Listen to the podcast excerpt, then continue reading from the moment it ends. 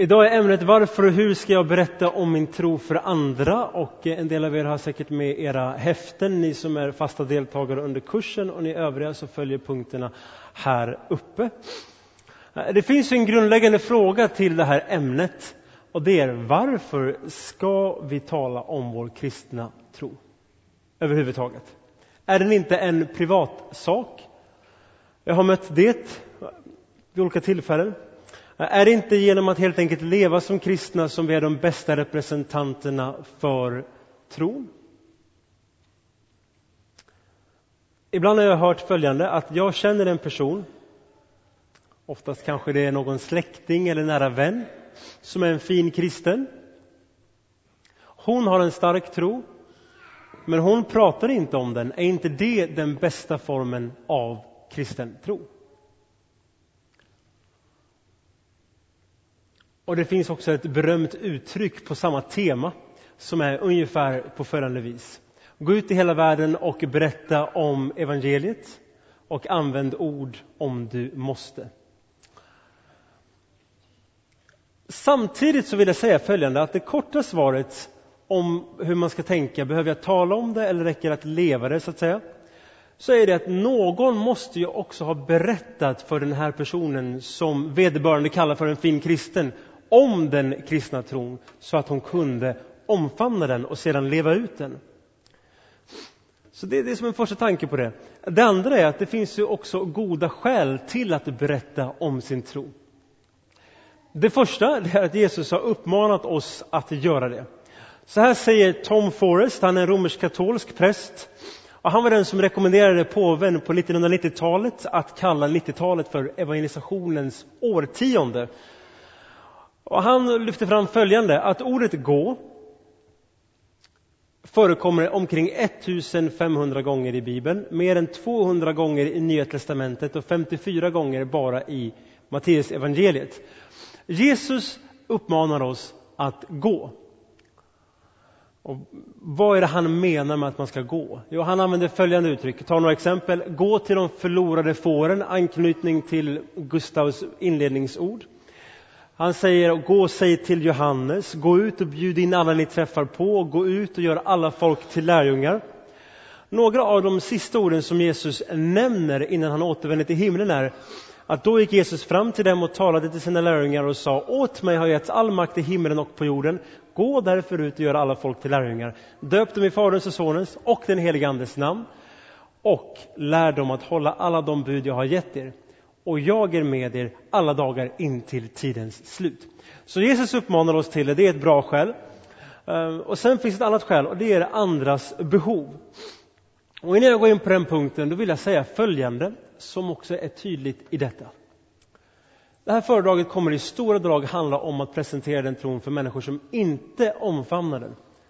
Men det är ju samtidigt så också att även i en kristen gemenskap så har vi behov av att berätta om vår tro för andra. Jag tror att det är därför så många uppskattar just den alfatiden som vi har med samtalsgrupper, därför att vi på ett regelbundet sätt samlas i mindre grupper och berättar för varandra om vad jag tänker, funderar, har varit med om som blir till uppmuntran, uppbyggelse, tröst och växt för andra människor omkring. Och då märker man också att det välsignar en själv. Så att andras behov är också ett skäl till att berätta om den kristna tron. Vi berättar för andra om Jesus därför att de är i desperat behov av att få höra de goda nyheterna om honom. Om vi befann oss i en öken och hade upptäckt en oas så vore det ganska egoistiskt av oss att inte berätta för andra vi mötte var de kunde släcka sin törst. Och Jesus är den enda som kan släcka hjärtats törst som människor bär inom oss. Kanske är det väldigt påtagligt just vid jul hur många som längtar att julen skulle handla om andra värden. Är man kristen att den skulle handla främst om Jesus, barnet som föds för 2000 år sedan men föds på nytt i våra hjärtan. Men människor som inte är troende eh, längtar också till att julen ska få vara en tid då man framförallt satsar på att bygga upp och välsigna varandra i möten och relationer. Eller hur? Samtidigt så har vi en stark drivkraft åt ett helt annat håll. Andras behov, ja, jag vill säga någonting, ett citat ifrån en sångerska som heter Sinéad O'Connor. Och eh, hon skriver följande. eller har sagt följande. Att vårt släkte bär en tomhet inom sig. Den tomheten beror på att vi blivit berövade vår andlighet och vi vet inte hur vi skall uttrycka oss. Följden blir att vi försöker fylla tomheten med hjälp av alkohol, droger, sex eller pengar. Vad människor ropar efter är sanningen. Vad människor ropar efter är sanningen. Så andras behov är ett gott skäl att tala om det. Det tredje är att vi har goda nyheter att förmedla. Vi berättar om Jesus därför att när vi själva upptäckt de goda nyheterna om att Gud älskar oss, vi är skapade med ett syfte, vårt liv här är inte bara en slump. Vi kommer få leva i evighet med honom, men han är också med oss här och nu. Så är det något glädjande att också berätta för andra. Vi vill sprida goda nyheter. För några år sedan så fick min hustru Sara här ett sms. Och det kom från hennes kompis som skrev att nu är vi på väg in till BB, verkarna har gått igång och snart hoppas vi att vi ska få vårt barn. Och jag undrade i mitt inre, hur kommer det sig att när man sitter där i bilen på väg in till BB, nu är det dags att föda, verkarna är liksom täta, nu är det på gång, nu är det allvar, att man då plockar upp sin telefon och smsar sina vänner och kompisar. Visst är det dråpligt? Och det är för att hon har goda nyheter att berätta. Det finns någonting inom mig som vill komma ut, rent bokstavligt talat. Det här måste jag få berätta för mina bästa vänner och min familj och släkt. Goda nyheter sprider sig fort. Hon var ivrig att berätta om något, så att den höll på att spricka. Ja, vi ska inte gå in på det för mycket, just kopplingen där. Men när vi får klart för oss vilka fantastiska nyheter som evangeliet innebär Ja, då kan vi väl knappast låta bli att dela med dem till andra. Jag kommer berätta också kort här några egna exempel som har just förstärkt det där inom mig. Att människor hoppas att få höra att det jag har att berätta faktiskt är någonting som de önskar. Men det finns ju två motsatta faror när man talar om detta att dela sin tro. Två diken. Och hur ska vi då bära oss åt? Ja, det första diket det är okänslighet.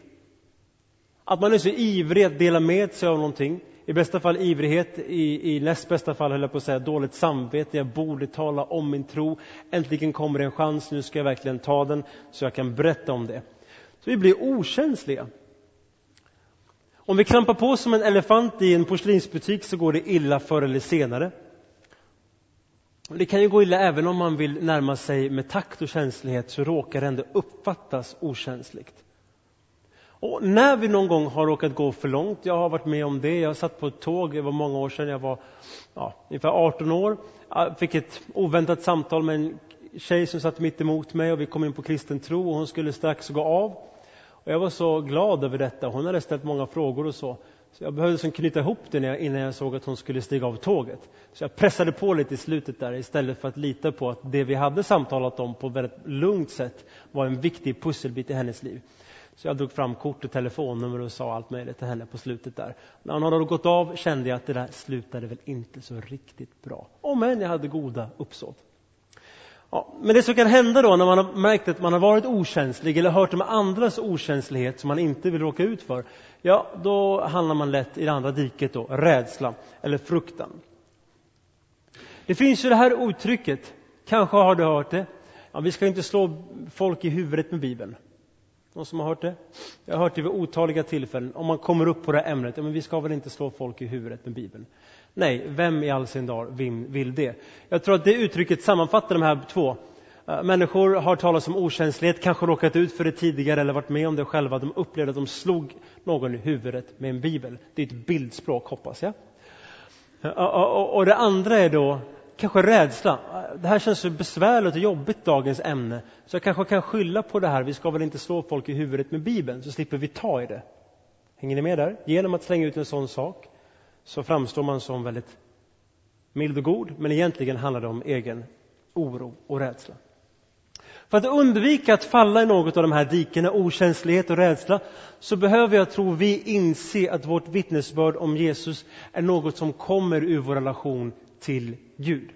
Återigen, det är därför församlingshelgen är så viktigt och vi får ha lite mer tid att kunna få samtala om den hjälparen som vi har, hjälparen som levande gör vår tro, hjälparen som leder oss i vårt dagliga liv, den helige Ande.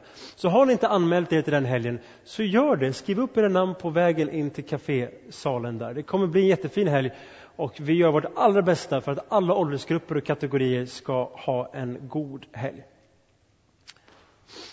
Jag vill lyfta fram fem kan man säga, nyckelord som jag tycker är bra att ha i minnet när vi talar om detta att dela vår tro. Det första är närvaro.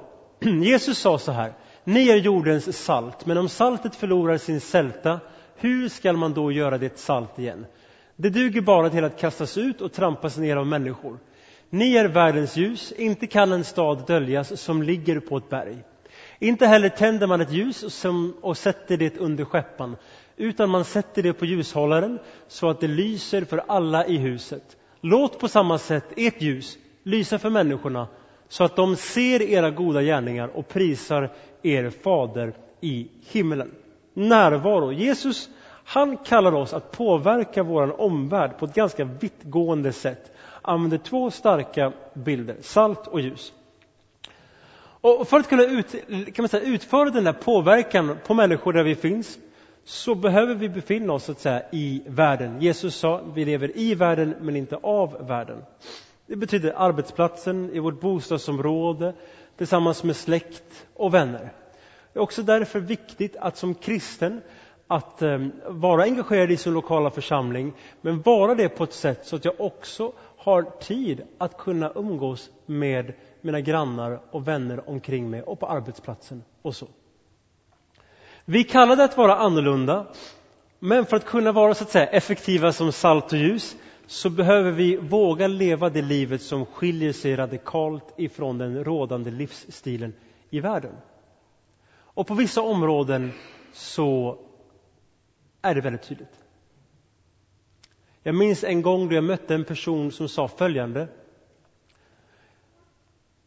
Du är till mig, du är ju kristen, men du är ju inte annorlunda mot oss.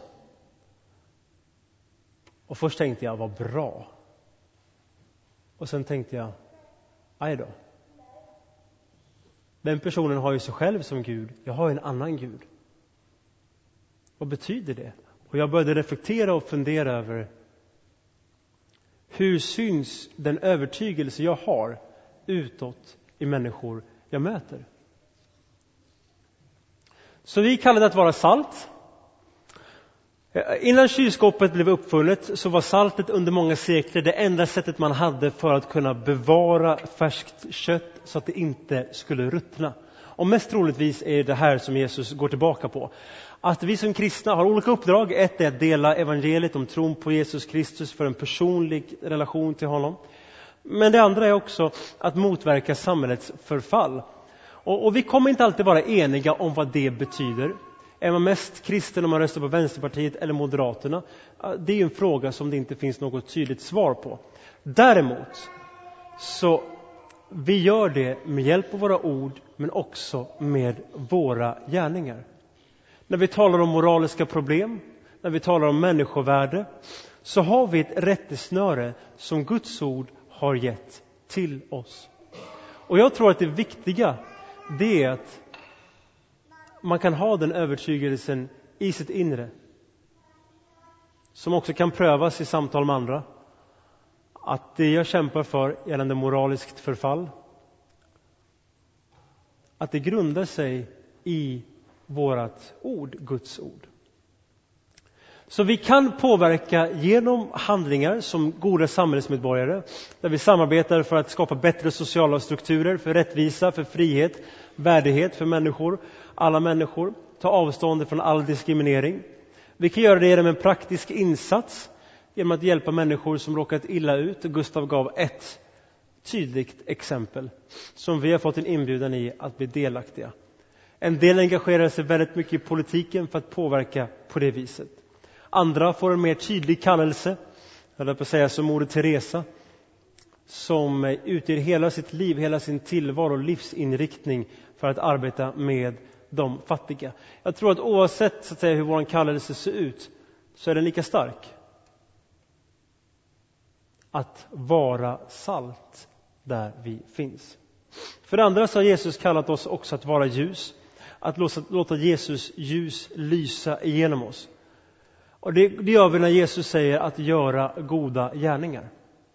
Ibland är det känsligt, särskilt inom vår tradition, den lutherska, där vi inte betonar gärningarna oftast annat än som någonting, kan jag säga, på ett vis negativt. Luther talade om att tron alena och det är tron på Jesus Kristus som frälser dig. Och ibland har det här sammanblandats så människor har sin trygghet i sin frälsning över de goda gärningar de gör. Så det finns fog för det.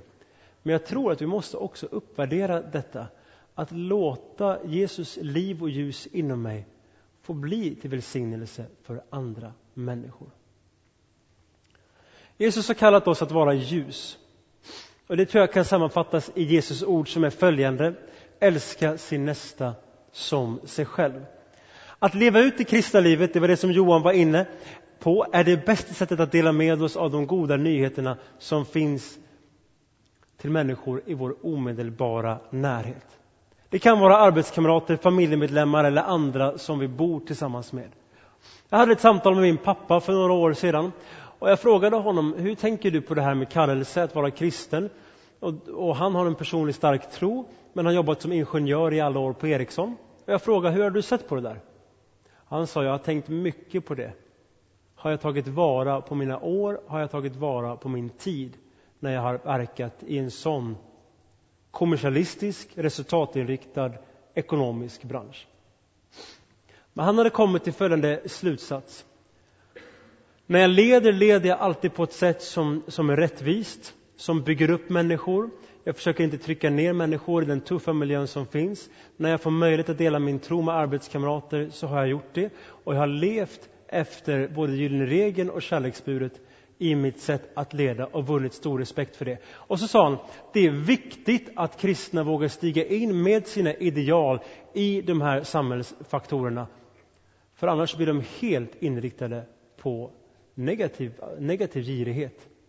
Vi ska ändå komma ihåg att det är tack vare företag som vår sociala välfärd till stort har byggts upp. Genom handel med människor och ökad kunskap. Så att leva ut det, låta det få synas.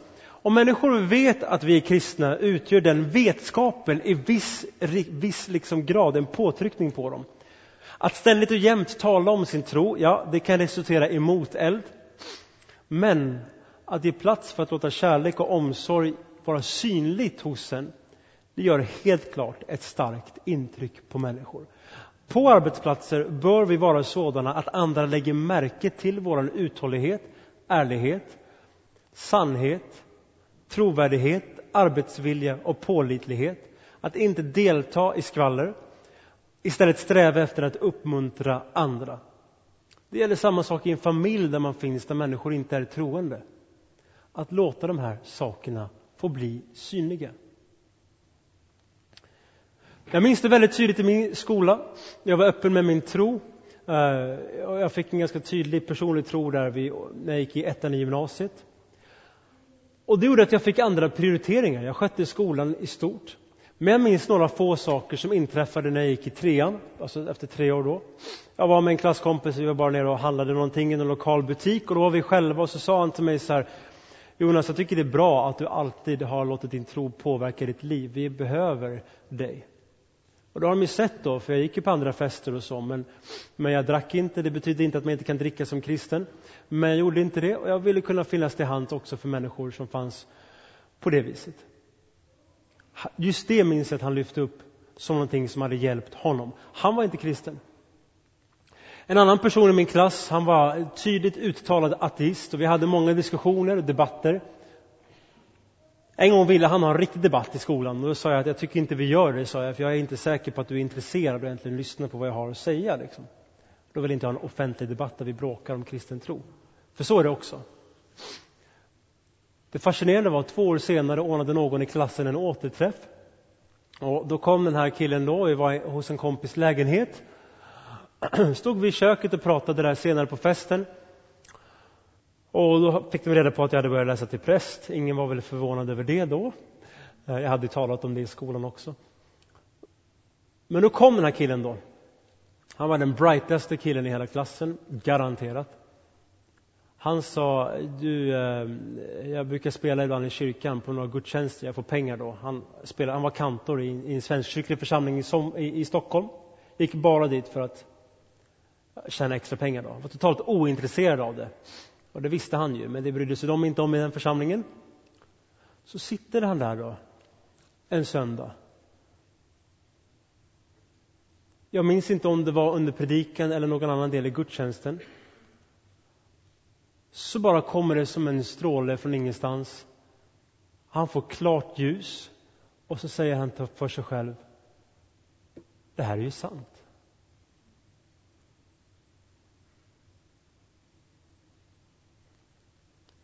Vi vet aldrig hur människor blir påverkade omkring oss.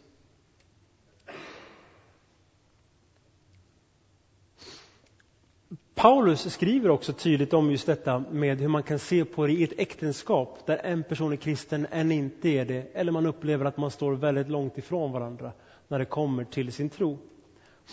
Petrus, ursäkta.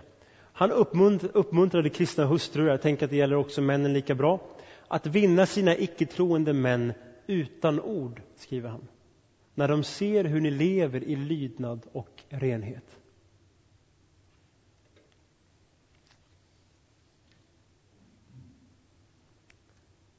En man kommer till tro. Det här är en sann historia. En man kommer till tro. Hans fru är inte kristen. Och hon kände en stor press på att försöka bli en kristen så att han skulle bli glad. De hade en tuff tid i detta då innan han valde att byta inställning och så sa han till henne När vi gifte oss lovade jag inte att förändra dig, bara att älska dig. Och det gör jag, precis sådan som du är. Det gjorde att pressen på henne släppte. Och i det fallet så dröjde det bara ett kort tag därefter så överlämnade hon sitt liv till Kristus på det sätt som var rätt för henne. Vi vet, det blir inte så i alla fall. Men det blir så också i många. En man som heter Keith Miller. Men vi ska komma ihåg tror jag ändå att i grunden så är vår uppgift um, när det gäller att vara ljus i världen inte bara om hur vi lever utan också om det vi säger. Vid någon tidpunkt leder livet till ett samtal. Jag tror att det är oftast bäst att vänta med att säga något till människor, människor frågar om det är människor som man känner och har relation med. Men när vi får frågor bör vi vara beredda att svara. Petrus skriver så här till de tidiga kristna. Var alltid beredda att svara var och en som kräver besked om ert hopp. Men gör det ödmjukt och respektfullt. När vi får tillfälle att tala om vår tro, hur ska vi då gå till väga? Genom att övertyga. Idag har många människor invändningar emot den kristna tron. Eller så har de frågor som de vill ha svar på innan de väljer att bli en kristen. De behöver bli övertygade om sanningen. Jag tror naturligtvis att det förstärks av det vetenskapscentrerade samhället som vi har. Där vi har en väldigt stark tilltro till det, vilket vi ska ha. Men ibland också en övertro där det inte kan ges svar från vetenskapen. Paulus han skriver så här, jag vet alltså vad fruktan för Herren är och försöker därför vinna människor. Han har kommit till tro, han älskar Gud och därför så vet han att på Guds hjärta är det att fler människor får komma till tro. Därför så försöker jag vinna människor. Lukas skriver att några av dem blev övertygade efter ett samtal som Paulus hade haft. Och Paulus skriver också, eller berättar som Paulus, att han försökte övertyga både judar och greker. När man samtalar om den kristna tron så är det vanligt att människor kommer med invändningar.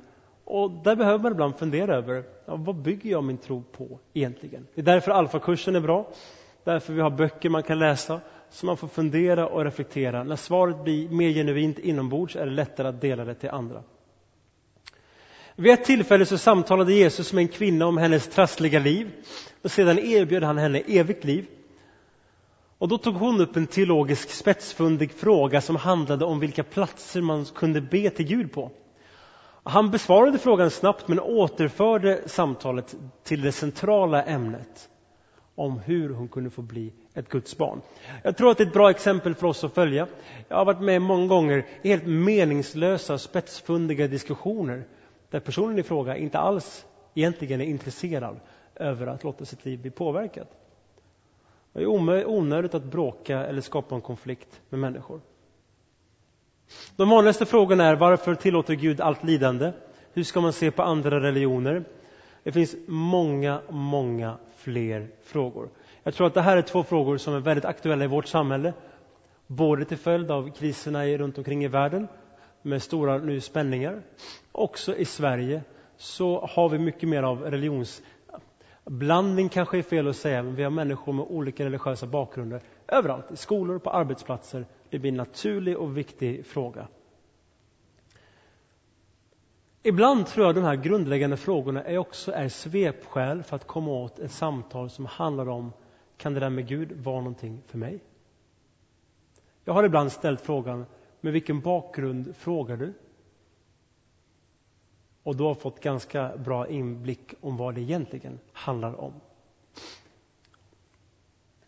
Vissa människor ställer frågor för att de har svårt att vilja bli kristna. Egentligen handlar det inte om teologiska betänkligheter, men kanske på grund av moraliska. Man är inte beredd att ge sitt liv till Jesus, för man är rädd att radikalt behöva ändra sin livsstil om man blir en kristen. En av mina nära vänner i Stockholm, vi samtalade mycket om tron och han blev ganska berörd. Och han sa till mig, jag vill inte ha med det där att göra, sa han. Därför jag vill kunna leva mitt liv utan det. Alltså utan att Gud skulle påverka honom. Då går det inte att göra så mycket. En som gick en alfakurs den första upp i Piteå som jag hade där.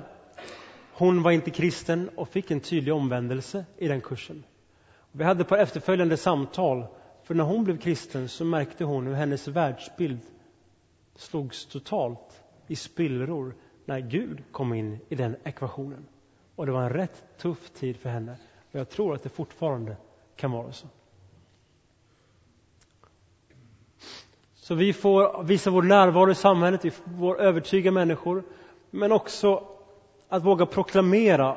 Att våga proklamera de goda nyheterna om Jesus är att våga ge sitt vittnesbörd till människor. Det finns många sätt att förmedla sin tro för de som inte har funnit det på. Men ett av de effektivaste sätten ändå, det är att ta med människor till en plats där evangeliet presenteras av någon annan. Speciellt i början när man inte varit kristen så länge, kanske känner sig osäker på många svar och så. Så kan det vara ett väldigt bra sätt. Jag har gjort så flera gånger, bjudit med människor till samlingar som jag vet att här blir en tydlig förklaring om vad kristen tro handlar om. Jesus han sa ju kom, följ med och se. Kom och se. Och jag tror att vi kan också ha den attityden till andra människor. Kom och se.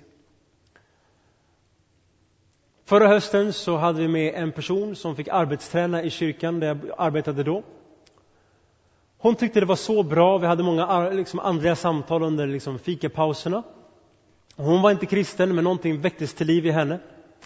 Hon älskade våra samlingar på söndags eftermiddagarna, vår gudstjänst på eftermiddagarna. Det var det bästa hon ville, visste, upptäckte hon. Hon fick en personlig tro. Efter några veckor så var hennes föräldrar där. Och de började gå i kyrkan varje söndag. Till följd av att hon bjöd med dem. Hennes syster bjöds också med. Och de berättade, vi har sett skillnaden i vår dotter och därför så går vi hit och vi har själva nu förstått vad det handlar om, den kristna tron. Jag har flera sådana berättelser, men jag ska inte dela alla dem nu. Men det är ett privilegium att vara tydlig med enkelheten i den kristna tron. Det som är själva kärnan att få komma till tro på en Gud som har sänt sin son till att leva med oss. Förre ärkebiskopen i Canterbury skrev i sin kommentar till Johannes evangeliet att Andreas tog Petrus till Jesus, eller så står det i Bibeln. Och när han kom till den raden och översatte denna enkla grekiska mening så säger han att det var den tiden som påverkade honom mest i översättningsarbetet. Och han skriver i sin kommentar, detta är den största tjänst någon kan göra en annan människa. Att ha mött Jesus, gå till sin vän och säga, kom och följ med mig till Jesus. Tänk vad enkelt. Det står inte mycket om Andreas i Bibeln förutom att han bjöd med sig människor till Jesus. Ett exempel var Petrus. Ett annat exempel så står att han brukade ta med människor till Jesus. Han var den som tog med sig Petrus som kom att bli den mest inflytelserika personen i kristendomens historia, den första påven. Och vi kan inte alla vara Petrusar, men vi kan alla göra vad Andreas gjorde, ta med oss någon till Jesus. Och det här är kan man säga ett skäl till varför det är viktigt att arbeta med de gemensamma samlingarna som man har som kristen gemenskap. Ibland kan samtal om man pratar om agendor eller upplägg och hur ska vi göra, ska vi ha kaffe före, efter eller vilka sånger ska vi ha? Så blir diskussionerna på följande vis, vad tycker jag bäst om? Men det finns en viktigare fråga som också behöver finnas med, inte i alla samlingar men också som en tydlig riktning. Är det här upplagt på ett sätt så att jag upplever det bekvämt att bjuda med mig en bekant som jag har, en kompis jag har, som jag märker är intresserad av Gud? Jag kan säga hur många gånger som helst jag har tänkt, tänk att få bjuda med sig den här personen dit. Det går absolut inte. Jag vet inte vad pastorn ska prata om. Det kan bli hur märkligt som helst. Jag vet inte alls vilka sånger det blir. Kommer någon hälsa på personen i fråga? Jag får så många frågor som gör att man inte vågar. Har någon av er känt det någon gång? Jag har gjort det många gånger. Så när man talar om gudstjänstförnyelse, det gör ju alla församlingar på ett vis jämt och ständigt, det finns väl ingen perfekt agenda. Behöver vi låta komma ihåg det här. Hur gör vi det enkelt för varandra att bjuda med bekanta utan att den som gör det tycker det känns lite skämmigt?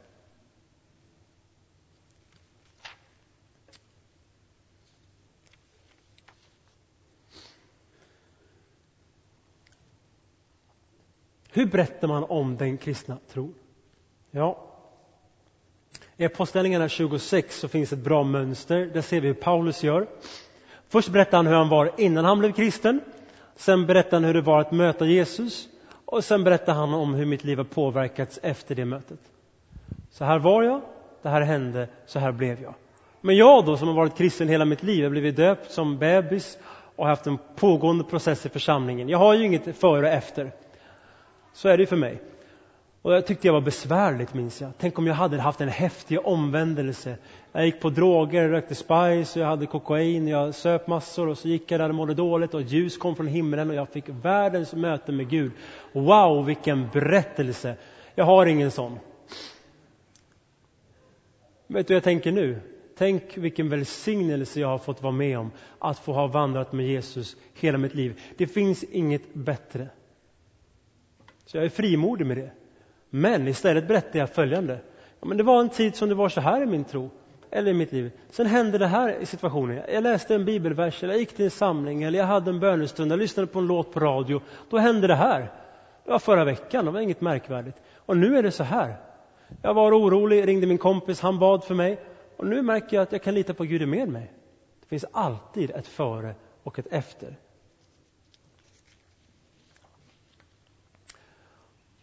Det fjärde är att förvänta sig kraft. Jag ska inte säga mycket om detta, för vi talade om det här under föredraget Helar Gud.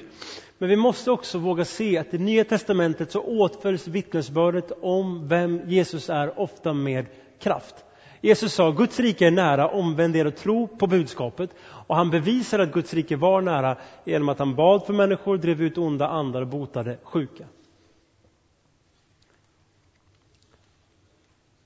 Jesus uppmanade sina lärjungar att göra samma sak och han har i förlängningen gjort det.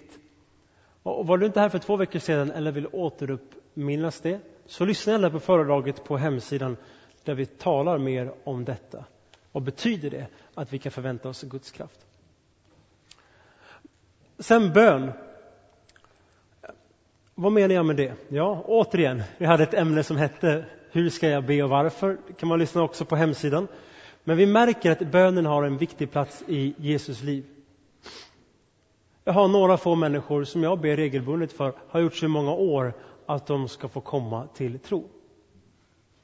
Jag förväntar mig att Gud ska verka, för det är ändå så att det är bara Gud som kan öppna upp ögonen. Det är inte jag som kan göra det, det är inte du, det är inte heller världens bästa evangelist på genomresa som kan öppna upp någons ögon, utan det är den helige Ande. De flesta av oss upptäcker när vi kommer till tro att det har funnits någon som har bett för oss. Det kan vara någon i familjen, en gudmor, en fadder, en god vän. Och bön gör skillnad.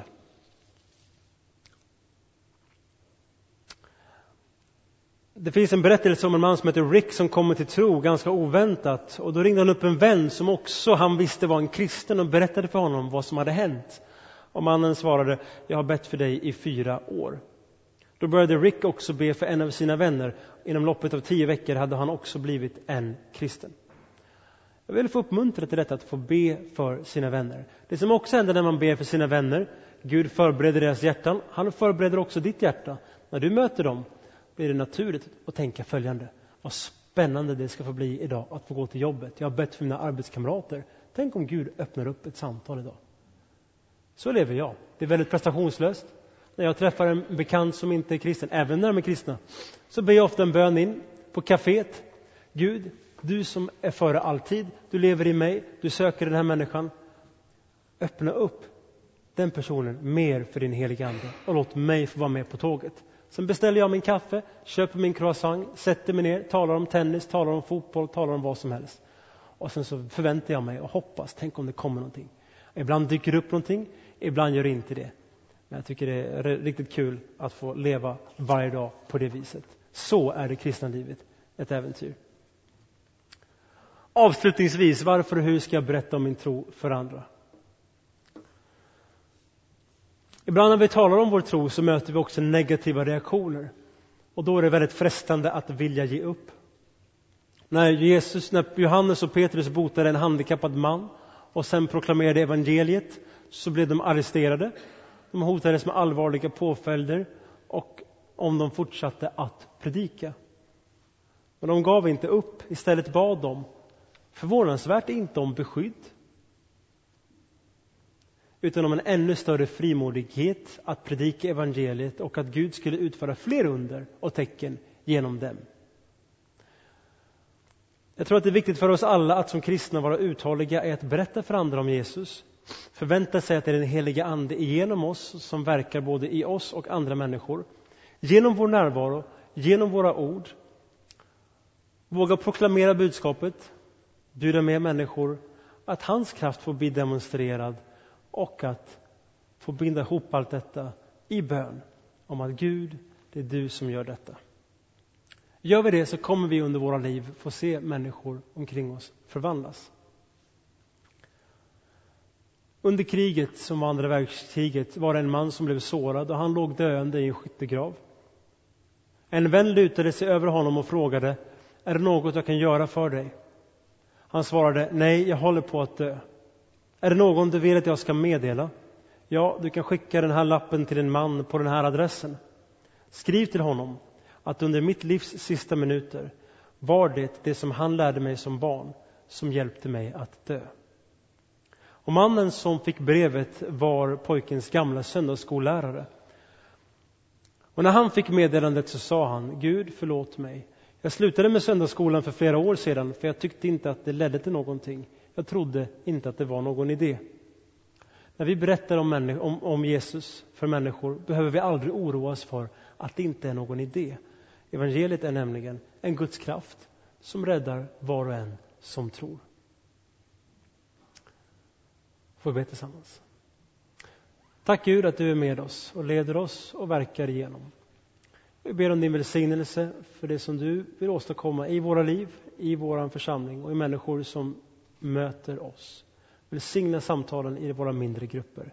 I Jesu namn. Amen.